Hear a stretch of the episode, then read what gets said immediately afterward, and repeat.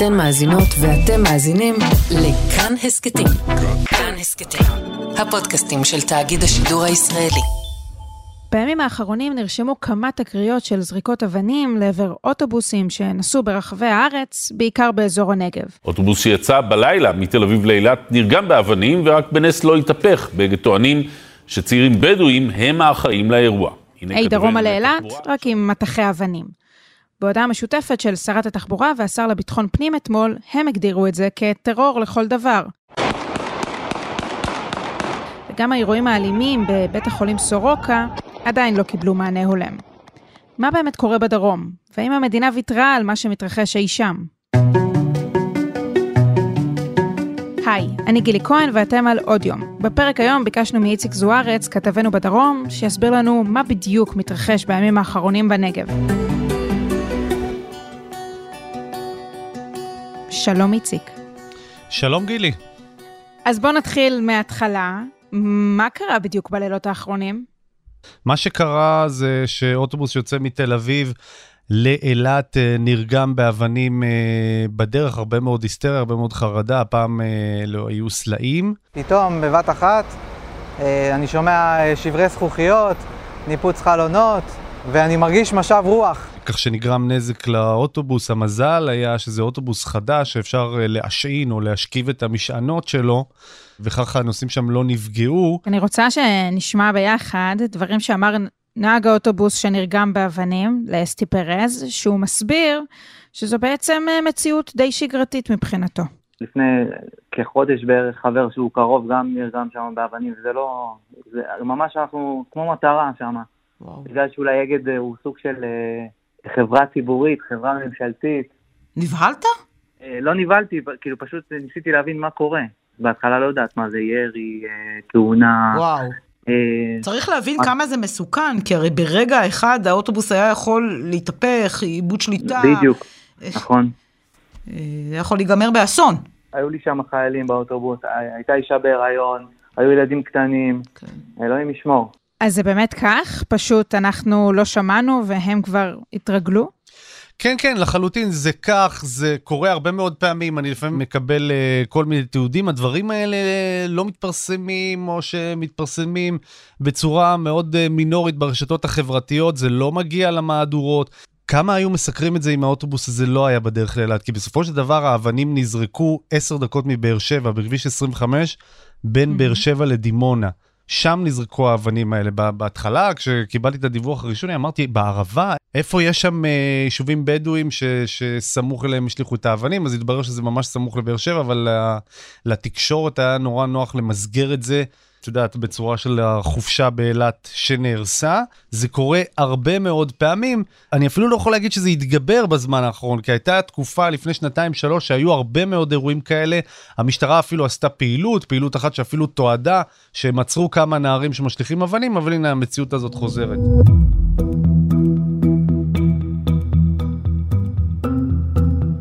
ואתמול היה עוד אירוע של uh, התזת גז מדמיע על uh, נהג uh, אוטובוס, זה קורה באזור לקיה, גם לא בטוח כמה האירוע הזה היה תופס כותרות אם לא היה לנו את האירוע שלפניו, את אותן זריקת uh, אבנים uh, לעבר אוטובוס של אגד. ושם באמת זה היה על רקע הקורונה, הנהג דרש מהצעירים, שלושה צעירים מלקיה שעלו לאוטובוס לעטות מסכה. הם אה, מסרבים, וכשמגיעים אה, ללקיה, לאזור שלהם, שם הם מקבלים ביטחון, מתחילים לתקוף את הנהג הזה, אה, מנסים לרגום אותו באבנים, בסוף מרססים עליו גז מדמיע, בורחים, והוא לא נפגע. אנחנו מדברים אבל על אירועים של עבריינים, שהרקע שלהם הוא פשוט פעילות פלילית, או שיש פה גם אלמנט של רקע לאומני? לדעתי האלמנט פה הוא של רקע לאומני. ולכן השב"כ צריך לחקור את האירועים האלה. תראי, באירוע של uh, התזת גז מדמיע, uh, ראינו את זה בהרבה מקומות בארץ, אנשים שבעיקר מכחישי קורונה, שלא מוכנים לעטות מסכות, אולי שם זה אירוע פלילי. האירועים האלה של האבנים קורים יותר מדי. האירועים האלה הם לאומניים, זה אירועים כמו שהיו במהלך מבצע שומר החומות, גם אז היו הרבה, הרבה מאוד אבנים, פשוט... אותם פורעים היו ממש על הכביש ולא הסתתרו בצידי הדרך בחושך והשליכו את האבנים האלה, אני לא רואה סיבה אחרת. אמרת שהשב"כ צריך להיות מעורב, זה אומר שהוא לא מעורב כרגע, אז, אז מי מטפל בזה? לפי מה שאני יודע, השב"כ לא מעורב באירועים האלה של זריקת האבנים. המשטרה חוקרת את האירוע הזה. הבנתי גם שהיו עוד כמה אה, אירועים כאלה באותו לילה לעבר כמה נהגי מוניות שם בכביש, בכביש 25 בין אה, באר שבע לדימונה. המשטרה מטפלת בזה, אבל האירועים האלה, אני מניח שהשב"כ ייכנס לתמונה רק אחרי שיקרה אסון, וזה לא היה רחוק באירוע של האוטובוס. יש פה פשוט חוסר משילות. מה, מה קרה בשנה וחצי האחרונה שנדמה שהאירועים האלה רק הולכים ומתגברים? תראי, זאת מילת המפתח, נדמה. אני אה, מסקר כבר חמש-שש שנים את כל הסיפורים של המגזר הבדואי, הרבה מאוד תיעודים של אה, שודים, של פיצוציות, של תחנות דלק, בנקים. קצת אחרי השעה שתיים בלילה הגיעו שני השודדים מהכפר תראבין שמעבר לגדר. הם נכנסו דרך החלון. שבת אחר הצהריים, השמש עדיין זורחת, אבל את כנופיית הגנבים הזאת זה לא מעניין. הם יורדים מהרכב רעולי פנים, בזמן שהמוכרים עסוקים בספירת הקופה וניקיון החנות. הנה מגיחה כנופיית השודדים ברכב הזה. הרבה מאוד דברים מהסוג הזה, הרבה פשיעה פלילית, נהיגה ללא רישיון, אין פה משילות כבר הרבה מאוד זמן. היה איזה אירוע לפני שנה כש... אה, מהמגזר הבדואי פרץ לבית אה, בנגב וביצע מעשה מגונה בילדה בת עשר, אז זה פשוט פרץ כי, כי נחצה פה עוד גבול. לפני עשרה ימים נעצרו שלושה גברים בחשד שהם פרצו לבית ביישוב בדרום, וכן שתקפו מינית ילדה בת עשר שישנה בבית בזמן המקרה הזה. ואז הדבר הזה עלה לכותרות, והתחלנו באמת באופן יומיומי לסקר את הדבר הזה. כן, יש איזושהי עליית מדרגה, אבל אני חושב שמספר האירועים הוא דומה. גם האירוע אגב בסורוקה.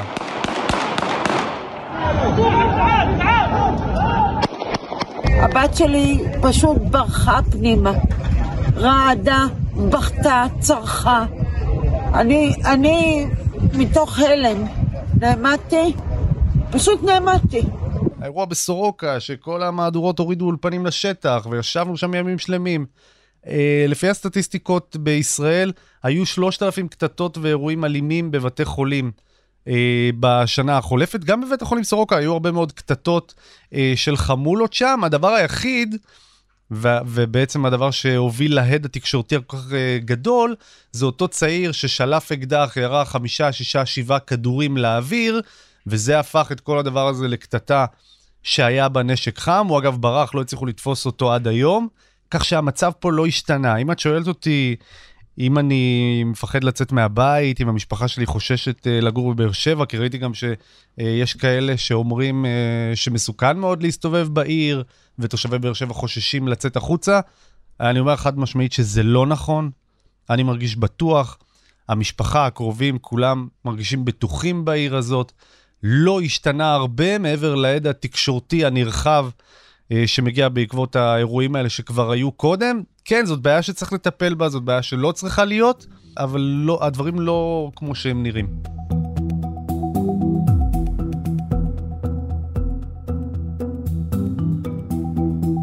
הזכרת את ההד התקשורתי, לפחות uh, בעיניים uh, תל אביביות, זה נראה שרק אחרי ההד התקשורתי הזה, המשטרה מגבירה נוכחות ומגבירה את הפעילות שלה בסוגיה הזו. זה נכון? תראי, המשטרה הגבירה את הפעילות, אבל המשטרה גם הגבירה את פעילות הדוברות. אנחנו מקבלים הרבה מאוד הודעות אה, על דברים שלא דיווחו עליהם קודם, כמו כל מיני מעצרים של נהגים אה, פסולי רישיון, כמו כל מיני תושבי הפזורה שהעירו הערות אה, לצעירות בתוך העיר באר שבע. שלושה צעירים בדואים מחורה ומערערה בנגב נעצרו בחשד שהטרידו נשים במהלך הלילה בבאר שבע. כתבנו איציק זוארץ מוסר כי תושבת העיר פנתה אמש לשוטרים של משמר הגבול וסיפרה להם כי צעיר כבן 20 פתח את דלת רכבה, נכנס אליו והחל להטריד אותה בשאלות אינטימיות. אלה דברים שקרו גם בעבר, לא היינו מקבלים עליהם אה, דוברויות, וגם אם כן, אף אחד לא היה מפרסם את זה. עכשיו העיתונאים בולעים בשקיקה כל דבר שיוצא מפה, ולכן יש גם אינטרס למשטרה להוציא הרבה מאוד הודעות דוברות, להראות שהם פועלים. הם באמת אה, פועלים יותר, יש פה קצת יותר כוחות, יש פה אה, יותר שימת תשומת לב לפרטים, מסתובבים במרכז ביג בבאר שבע, זה מרכז שגם האוכלוסייה הבדואית משתמשת בו, ולכן אנחנו רואים הרבה מאוד מעצרים, הרבה מאוד אירועים. היו אירועים כאלה גם לפני. בואו נחזור לדוגמה לאירוע אה, בבית החולים סורוקה. מה השתנה מאז? האמת שלא השתנה יותר מדי, אה, בימים האחרונים ביקר שם אה, שר הבריאות ניצן הורוביץ. ניתן לצוותים כאן את כל הגיבוי ואת כל ההגנה כדי שיוכלו לעבוד בסביבה בטוחה.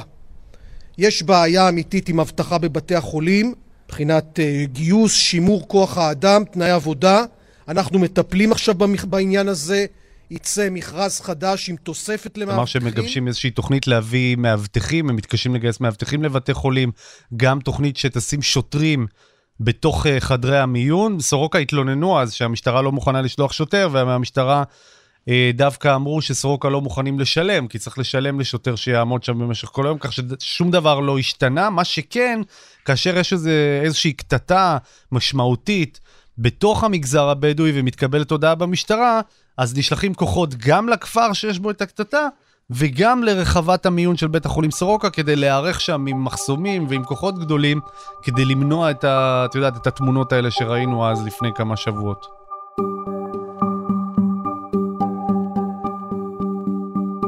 איציק, אבל בואו נחזור לאירועי זריקת האבנים על אוטובוסים. מה המשטרה יכולה לעשות כדי למגר את התופעה הזו? מה, להציב ניידות בכל צומת?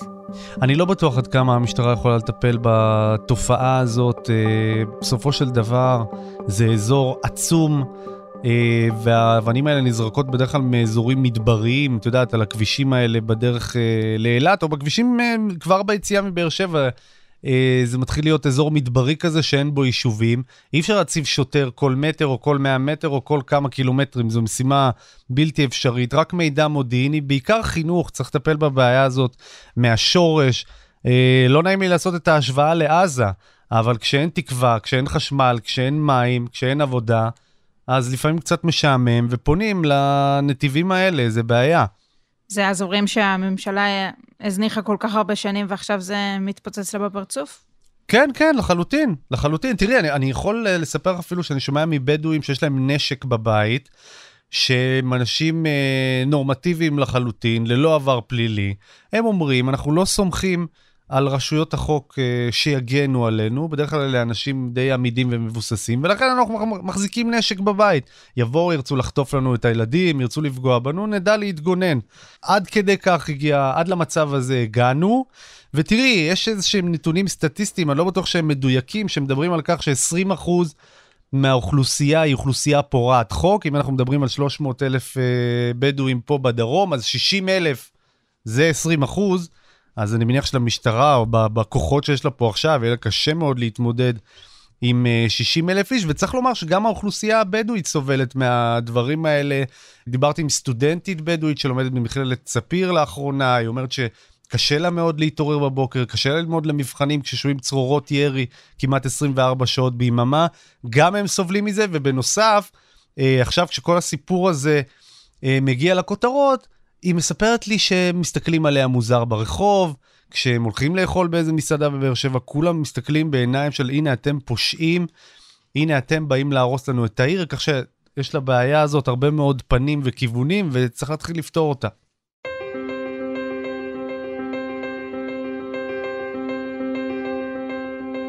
איציק זוארץ, איך נסכם את השיחה הזו?